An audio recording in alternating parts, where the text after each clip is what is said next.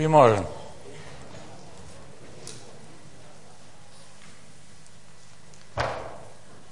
Laten we ons hart volledig aan Hem geven. Een uitdaging.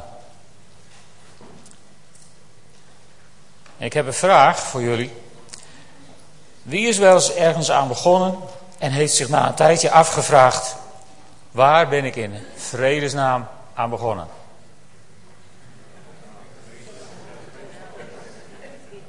Oké. Ja, soms heb je dat, hè? Waar ben ik in vredesnaam aan begonnen? Ons thema is discipelschap op reis met God. En uh, ik wil niemand ontmoedigen, maar als je op reis gaat met God, zijn er van die momenten dat je denkt: waar ben ik in vredesnaam aan begonnen? En we staan nu aan het begin van die reis met God, die we met elkaar willen gaan, eh, gaan ondernemen. En ik denk dat het goed is om, om daar direct aan het begin even bij stil te staan. Dat je misschien af en toe een moment zult hebben dat je denkt, help. Twee weken geleden hebben we stilgestaan bij de start van de reis. De start van die reis met God, die begint met die ontmoeting met Jezus, die tegen jou zegt: Kom, volg mij. Zonder voorwaarden vooraf, zonder bedenkingen, gewoon gehoorzaam doen wat Jezus je gezegd heeft. En toen ben ik geëindigd bij het verhaal van de rijke jongeling, die Jezus wilde volgen, maar van Jezus de opdracht kreeg om alles te verkopen wat hij had, het aan de armen te geven en Jezus te volgen.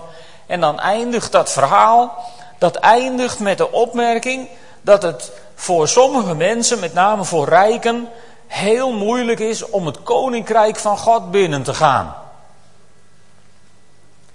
En als je dan verder leest in dat verhaal, dan komt Petrus erbij, wie anders ook zou je zeggen. En Petrus die, die vraagt als het ware, ja, en, en, wij dan? En wij dan die u volgen, en daar wil ik met jullie even gaan lezen in Marcus 10. Marcus 10 vanaf vers 28. De rijke jongeling is inmiddels teleurgesteld afgehaakt omdat de prijs hem te hoog was. De reissom te kostbaar, zou je kunnen zeggen. En nu zegt Petrus tegen Jezus, ja, en wij dan? Marcus 10, vers 28. Petrus nam het woord en zei, maar wij hebben alles achtergelaten om u te volgen. Jezus zei, ik verzeker jullie, iedereen die broers of zusters, moeder, vader of kinderen, huis of akkers heeft achtergelaten omwille van mij en het evangelie, zal het honderdvoudige ontvangen. In deze tijd, broers en zusters, moeders en kinderen, huizen en akkers, al zal dat gepaard gaan met vervolging. En in de tijd die komt, het eeuwige leven. Vele eersten zullen de laatsten zijn en vele laatsten de eersten. Ze waren onderweg naar Jeruzalem en Jezus liep voor hen uit de leerlingen waren ongerust en ook de mensen die hen volgden onderweg, of die hen volgden, waren bang.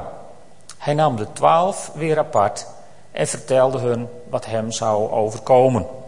Tot zover, ik wil er een paar dingetjes uitlichten. Niet de bedoeling om vanmorgen dit Bijbelgedeelte helemaal uitvoerig te behandelen, maar een paar dingen eruit. Petrus die vraagt, ja, en wij dan? En dan zegt Petrus, wij hebben alles achtergelaten. Wij hebben een hoge prijs betaald om u te volgen. En dan krijgen ze dat wonderlijke antwoord van Jezus, dat je honderdvoudig terug zult ontvangen. Jammer genoeg is dat voor sommige mensen de reden om te gaan geven, opdat je honderdvoudig terug ontvangt. Maar dan, lieve vrienden, klopt je motivatie niet. Dan is de hartsgesteldheid waarmee je onderweg gaat zo verkeerd dat je onderweg weinig resultaten hoeft te verwachten. Als het je gaat om wat je terugkrijgt, zit je op het verkeerde spoor in mijn ogen. En Petrus die vraagt toch dat aan Jezus. En Jezus die zegt van, joh, tijdens dit leven zul je broers en zusters terugkrijgen. Lieve vrienden, kijk eens even om je heen. Kijk even om je heen in de zaal. Kijk niet zo ijzig naar mij, kijk even om je heen. Allemaal broers en zusters. Allemaal broers en zusters. Die zou je terug ontvangen, heeft Jezus gezegd. En hij heeft zijn woord gehouden. Want Hier zitten we dan. Honderdvoudig. Ongeveer. En dan heb je buiten dit huis ook nog broers en zusters. Dus dat is in ieder geval gebeurd. En dan, wat zul je nog meer krijgen? Moeders en kinderen. Of geestelijke vaders en moeders en geestelijke kinderen. Dat is een spoor, dat moeten we volgens mij op reis met God onderweg verder gaan ontwikkelen. Want dat kan beter en dat moet beter. En dan huizen en akkers. Ja, ik moet eerlijk zeggen, ik beleef dat af en toe. Als wij uh, op reis zijn, zoals uh, afgelopen voorjaar, als we door Duitsland reizen, dan logeren we in de mooiste huizen en dan ontmoeten we de liefste mensen en dan krijgen we het lekkerste eten. En dat krijgen, hebben we allemaal teruggekregen van God op een of andere manier. Dus het werkt. Dit is een principe wat werkt. Jezus komt zijn beloften altijd na. En, en hier kun je dat heel simpel, of heel simpel, maar hier kun je het zien. En dan staat er wel bij, al zal dat gepaard gaan met vervolgingen. Dan denk je, dat had hij nou net niet moeten zeggen.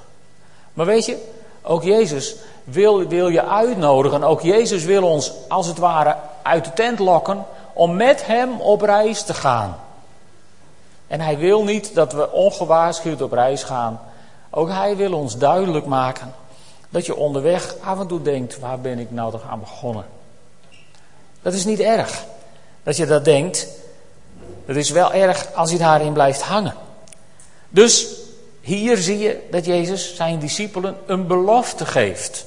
En de vraag die dan misschien bij je opkomt is, ja, hoe zou hij dat nou gaan doen? Nou, in ons leven heeft hij daar het een en ander in gedaan, heb ik net verteld.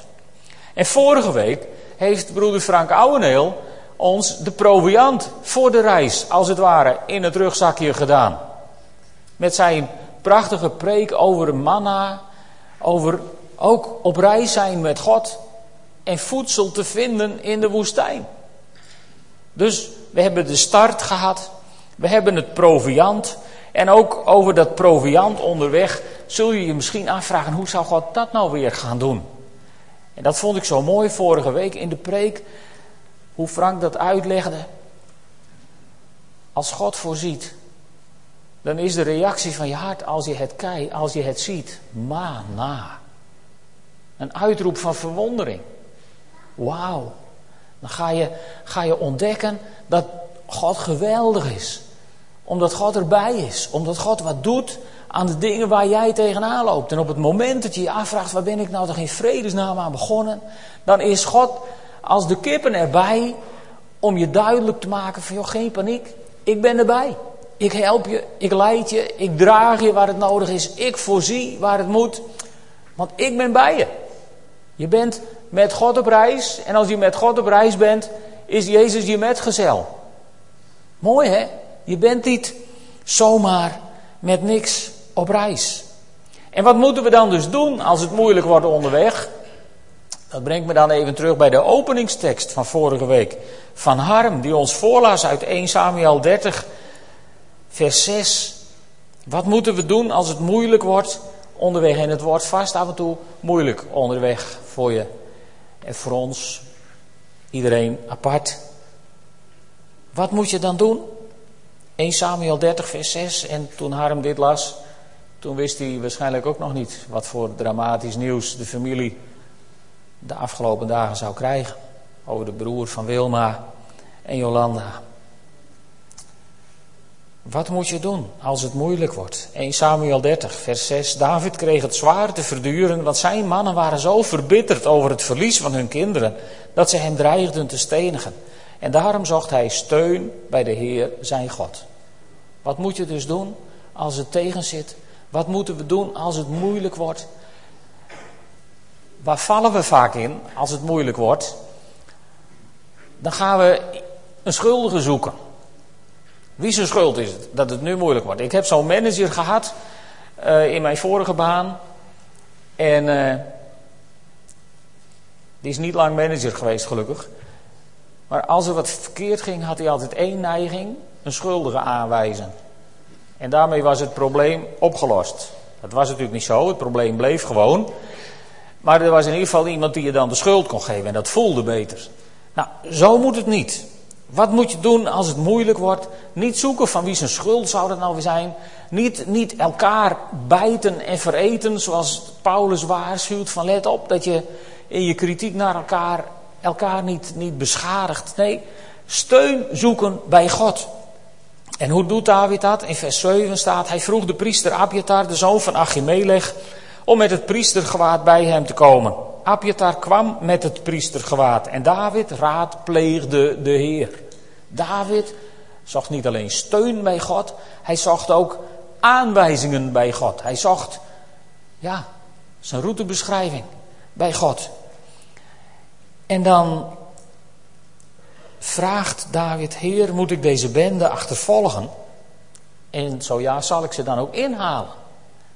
Ja, antwoordde de Heer, achtervolg hen en je zult ze zeker inhalen en de gevangenen bevrijden. En we kennen het verhaal van David en Siklag, hoe ze de bende achterna jagen en al hun vrouwen en kinderen en bezittingen. Alles krijgen ze terug. Want God komt zijn beloften namelijk altijd na. En dat is een belangrijk iets wat wij scherper tussen onze oren moeten krijgen. God komt zijn beloften altijd na. David krijgt een belofte als antwoord. En die komt uit. En, en God en ook Jezus in het verhaal hiervoor informeert zijn kinderen, zijn volgelingen telkens over hoe het verder moet. Wij geloven in een sprekende God. Wij geloven in een God die zijn kinderen aanwijzingen geeft. Wij geloven in een God die in ons hart tot ons spreekt. Wij geloven in een God die soms op een profetische manier tot ons spreekt. Wij geloven in een God die door het geschreven woord tot ons spreekt. Want nergens om, maar soms lees je in het woord van God en dan, dan is het alsof de Heilige Geest met je ogen meeleest en je ineens iets laat zien wat je niet eerder hebt gezien. Ik, ik hoop dat je die ervaringen kent, dat je weet van, goh, soms lees je een, een stukje uit de Bijbel en daar put je ineens zoveel troost uit en zoveel moed uit dat je je afvraagt, ik heb dit wel vaker gelezen. En waarom was het toen anders dan nu? Dat is omdat onze God een sprekende God is. Hij spreekt door het levende woord, door de Bijbel. Hij spreekt door het levende woord, zijn zoon Jezus Christus. Hij spreekt tot ons door zijn Heilige Geest. En hij wil ons aanwijzingen geven voor de route die we onderweg op reis met God hebben te volgen. En dat hebben we ook nodig, want om eerlijk te zijn, zijn we vertrokken met onbekende bestemming. Misschien zullen sommigen zeggen, ja nee, maar aan het eind komen we in de hemel. En natuurlijk, dat weet ik ook wel. Dat is misschien de finale bestemming. Maar de reis met God in dit, uh, op dit aardse deel van ons leven is een reis met onbekende bestemming. We weten dat God met ons is. We weten dat Hij zijn Zoon voor ons gegeven heeft. We weten dat Zijn Heilige Geest met ons is. Onze tomtom is, zou je kunnen zeggen ons leidt onderweg, maar waar we precies gaan uitkomen, dat weet je niet. Als je God gaat volgen. Dat wisten de discipelen ook niet. Toen Jezus langskwam en zei: Kom, volg mij. Toen kregen ze geen planning voor de komende drie jaar met een beschrijving van het opleidingsplan en weet ik wat allemaal. Ze kregen niks, alleen maar opdracht: Kom, volg mij. Ze kregen nog de ontmoediging dat de zoon des mensen geen plaats had om zijn hoofd neer te leggen. Dan wisten ze ook even dat het niet makkelijk werd onderweg. En ze volgden Jezus. Je weet niet altijd waar je naartoe gaat, maar je hebt wel die beloftes dat God met ons is, dat Jezus met ons is. En, en dat leidt me tot het volgende statement. Gelovigen moeten zich minder afvragen hoe God het gaat doen en meer staan op zijn beloften.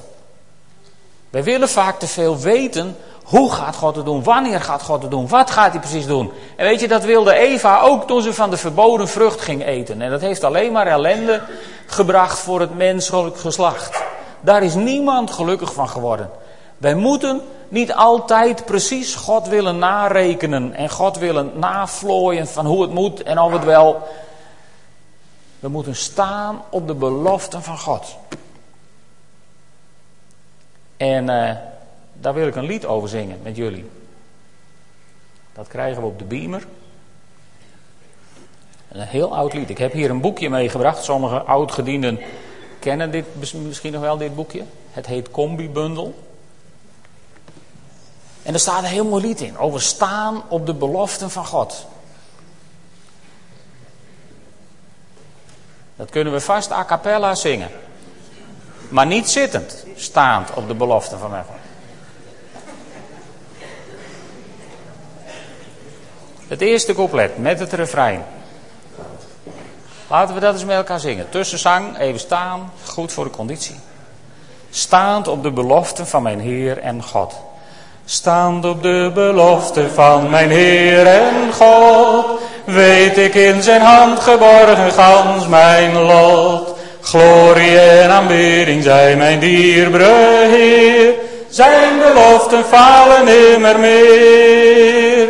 Glorie, glorie, nimmer zal het eeuwig Heeren falen. Glorie, glorie, sta vast op de belofte van mijn God.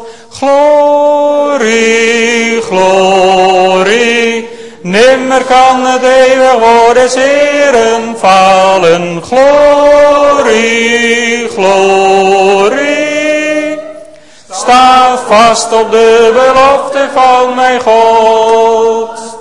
Halleluja. Jullie mogen weer gaan zitten. Jullie kunnen geweldig zingen trouwens. Wisten jullie dat? Prachtig. We kunnen zo een koor starten hier. Ik sta vast op de beloften van mijn God. Weet je, het is een heel oud lied. Het is een geweldig lied. En het is een lied wat ik zo weinig waar maak. Dat wil ik voor jullie bekennen. Als het even tegen zit, dan ben ik vaak zomaar boven in de gordijnen. En dan moet Geertje me er weer uitplukken en mij uitleggen dat Gods timing altijd perfect is. En langzaam maar zeker kom ik dan weer op die beloften van mijn God te staan. En het is belangrijk dat je daarop staat. Het is belangrijk. Dit is ook zo'n liedje uit, uit onze begintijd, volgens mij in, in de Philadelphia gemeente zongen we dat, geloof ik vaak.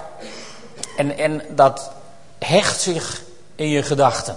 Ik sta vast op de beloften van mijn God. En we hebben beloften van God. Maar hoe werkt dat dan, dat vaststaan op de beloften van God? Nou, er staat een prachtig voorbeeld van in de Bijbel. In Exodus. In Exodus 22. Ik ga niet dat hele verhaal lezen omwille van de tijd. Het verhaal van Abraham die een zoon heeft gekregen. Eindelijk heeft Abraham een zoon gekregen, Isaac.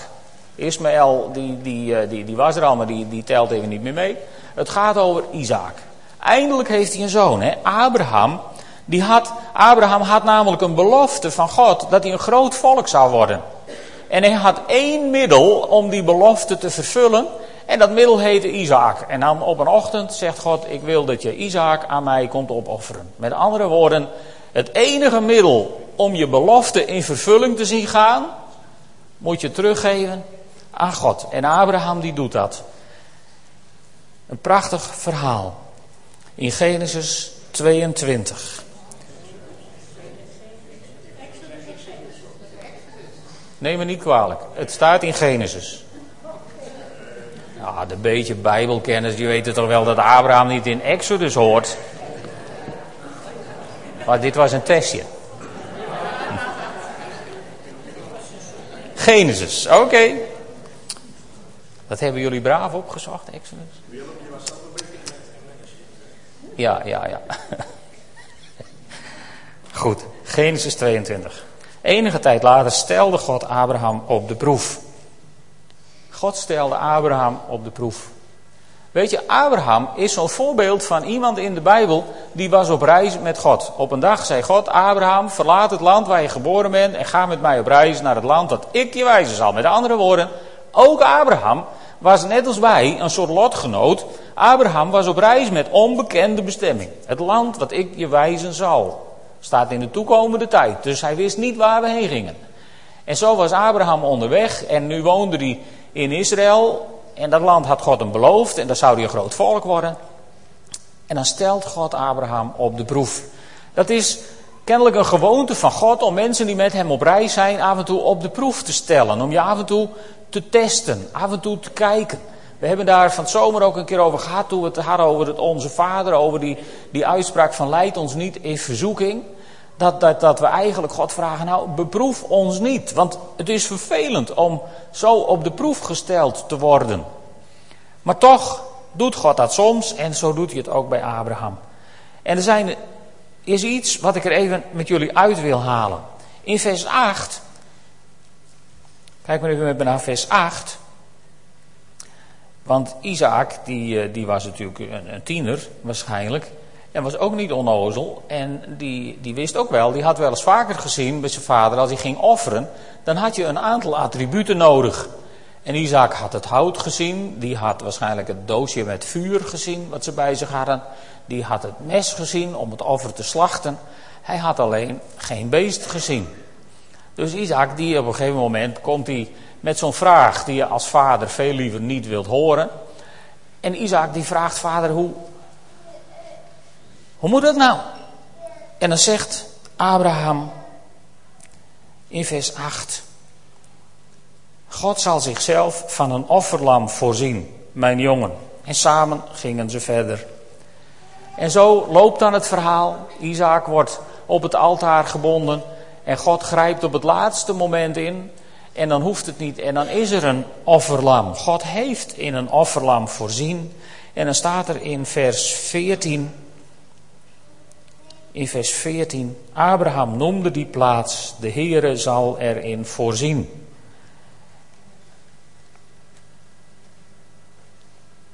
Ik heb het hier wel eens vaker over gehad met jullie.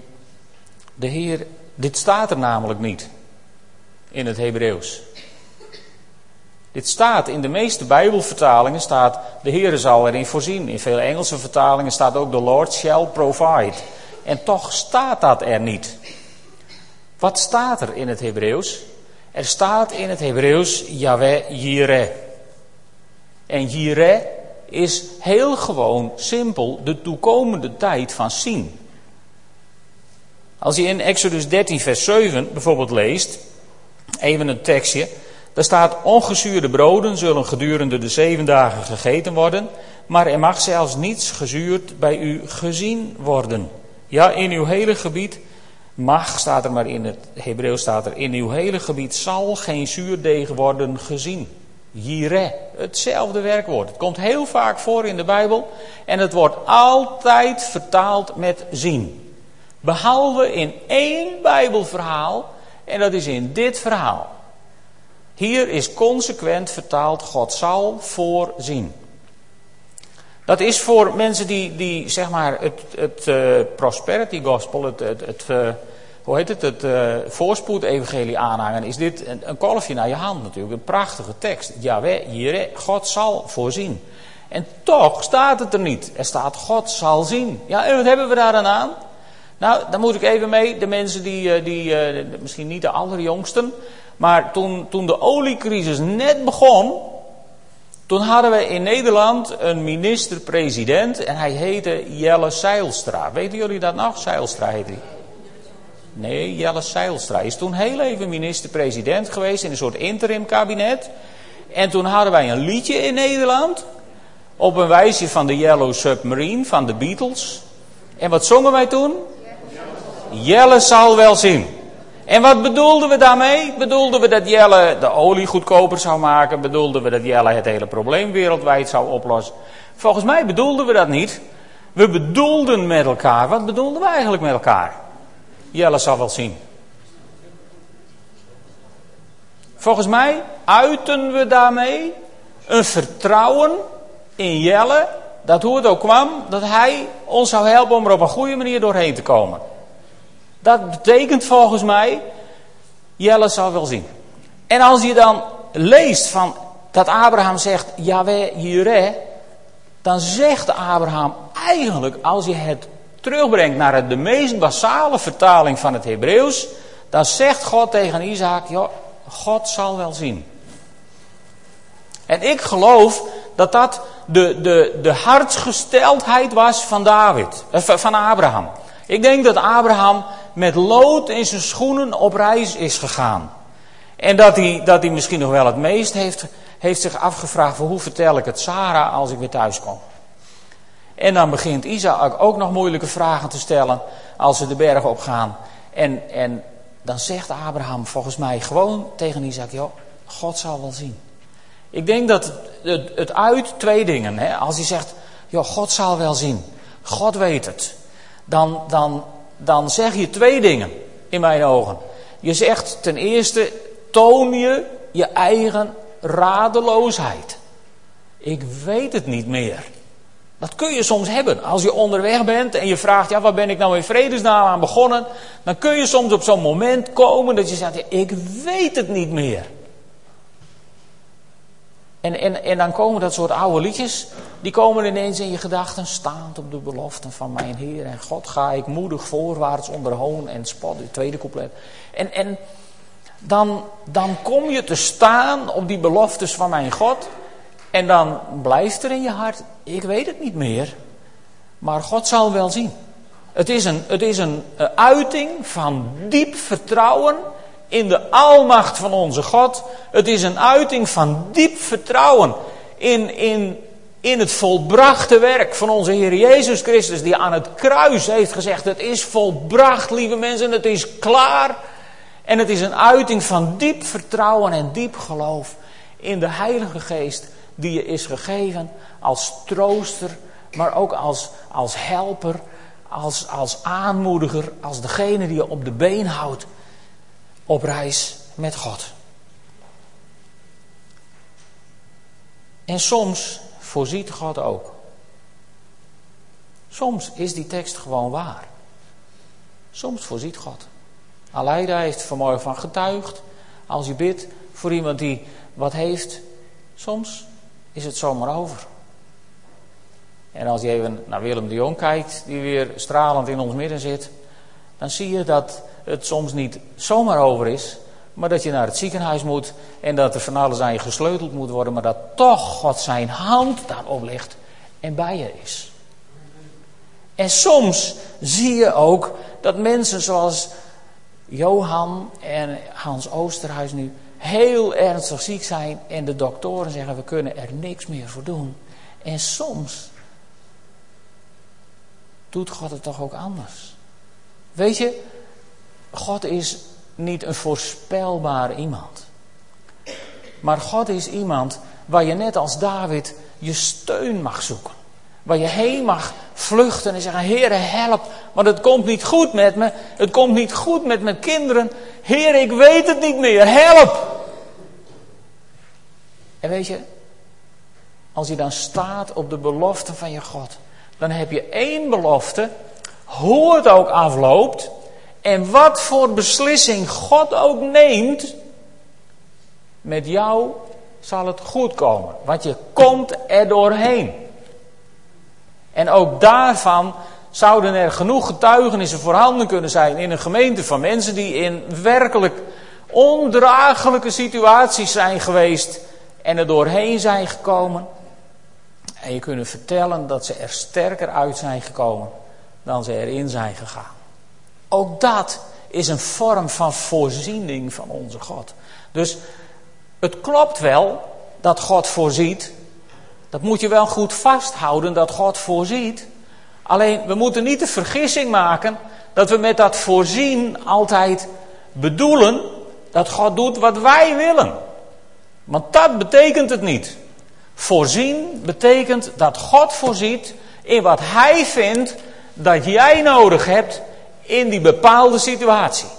En soms krijg je wijsheid om zelf een oplossing te bedenken in de situatie.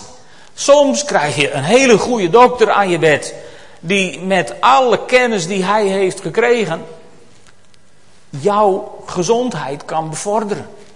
Soms doet God gewoon een goddelijk wonder door mensen op gebed te genezen. Er zijn talloze variëteiten waarin God voorziet. En soms hebben wij de indruk dat God het niet in de hand heeft en dat iemand van wie we zielsveel houden toch komt te overlijden. Maar ook dan voorziet God. Ook dan zul je merken dat je in een kracht komt te staan die niet de jouwe is. Dan zul je merken dat er een, een hoeveelheid standvastigheid in je is die niet de jouwe is. dan zul je moeten beleiden en kunnen beleiden en mogen getuigen dat er een kracht over je is gekomen die niet de jouwe was, maar die de kracht was van de Heilige Geest. God zal voorzien. En waar komt het dan op aan? Het komt erop aan dat we vaststaan op de beloftes van onze God. En dat betekent niet dat we stampvoetend vaststaan en opeisen waar wij denken recht op te hebben. Want laten we één ding vaststellen met elkaar. Wij hebben helemaal nergens geen recht op.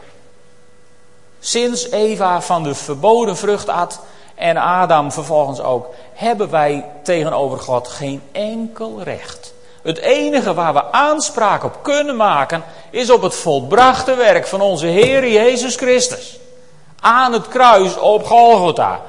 Dat is de belofte, dat is de eerste belofte waar je op moet gaan staan. En zeggen, ik ben gered. Ik ben verlost door het bloed van het lam. Ik ben geheiligd door het wonderbare werk van Jezus Christus aan het kruis. En ik sta in het leven vol van de Heilige Geest, omdat ik een kind van God ben. En wereld, hallo wereld, hier ben ik. Daar sta ik in. En wat er ook gebeurt. En hoe hoog de golven ook mogen worden. En we hebben zo'n zo'n zo'n mooi gezang, ruwe, uh, hoe heet het, ruwe stormen mogen woeden. Alles om mij heen zij nacht. Maar God, mijn God, zal mij behoeden. Hij houdt voor mijn heil de wacht. Mooi hè, dat lied. Want wat zeggen we daar? Dan zeggen we, hij houdt voor mijn heil de wacht. Er staat niet, hij houdt over mijn lijf de wacht, of over mijn huis, of over mijn bezittingen. Nee, hij houdt voor mijn heil de wacht. Want weet je, als we op reis gaan met God, zijn we weliswaar met onbekende bestemming vertrokken. Maar God heeft iets voor ogen, voor ons. Het goede, het welgevallige, het volkomene. Gedachten van troost, gedachten van welvaart, gedachten van voorspoed. God heeft het beste met ons voor. En dat moeten we volgens mij onthouden. Abraham moest bewijzen dat hij God belangrijker vond dan de oplossing van zijn belofte. Hij moest bewijzen dat hij bereid was Isaac te offeren. En ik denk dat Isaac ook iets moest bewijzen in dit hele proces. Hè? Want laten we even goed rekenen. Als Isaac zeg maar 15 was, dan was Abraham 115. En wie loopt er over het algemeen harder statistisch? Iemand van 115 of iemand van 15? Dus als Isaac niet gewild had, was hij nooit op dat altaar beland. Als Isaac had gedacht van ja, het is goed met je. En ze waren rondjes om de berg gaan rennen had Abraham dat verloren. Dus ook Isaac, Isaac hiermee een prachtig beeld van de Heer Jezus Christus. Ook Isaac gaf zich over aan zijn vader om gebonden te worden, op het altaar gelegd te worden en om te sterven. Het was niet alleen Abraham die anders van de berg kwam. Het was ook Isaac die anders van de berg kwam. Want hij had geleerd om zich over te geven en hij is daarmee voor ons het grote voorbeeld van Jezus Christus geworden, die zich vrijwillig voor ons gaf. Vrijwillig. Zonder voorwaarden vooraf. Gaf hij zich voor jou en voor mij. Opdat wij mogen leven in gemeenschap met God. Niet alleen maar opdat we gered zijn voor de eeuwigheid. Maar opdat we zullen leven in gemeenschap met God. Dat is wat God verlangt. Op reis met God. En dat met, dat moet je vet onderstrepen in je aantekeningenschrift als het aan mij ligt. We gaan en we zijn op reis met God. We zijn niet op reis naar God, want we zijn al lang bij God. Op het moment dat we ja hebben gezegd tegen Jezus Christus, waren we bij God. We zijn zijn kinderen. We zijn op reis met God. We zijn niet op reis zonder God, overgeleverd aan het lot of aan de dingen van deze wereld. Wij zijn onderweg, gedragen in de hand van God. Staand op de beloften van mijn Heer en God ga ik door dit leven. En dan is het enige wat je overhoudt te zingen is glorie, glorie. Nimmer kan het eeuwig woord des Heeren falen. Het kan niet falen. God komt zijn beloften altijd na. En dan zul je getuigen. Wat Geertje vaak zegt, Gods timing is perfect. Soms lukt iets op een bepaald moment niet en dan lukt het later wel. En dan merk je dat het op dat moment veel beter van pas komt dan toen je het eerst wilde. Gods tijd is altijd de beste. En we hebben ook zo'n mooi liedje in opwekking. Gods weg is de beste waarheen Hij mij ook leidt. Dat wensen we Ganna en Johan toe. Dat wensen we Wilma en Jolanda en hun broer toe. Maar eigenlijk hebben we dat allemaal nodig. Gods weg is de beste. Yahweh, Jireh. God zal wel zien. Hij is bij, hij ziet het, hij weet waar we heen gaan. En zijn weg is nog een keer gewoon de beste. Amen. Zullen we gaan staan?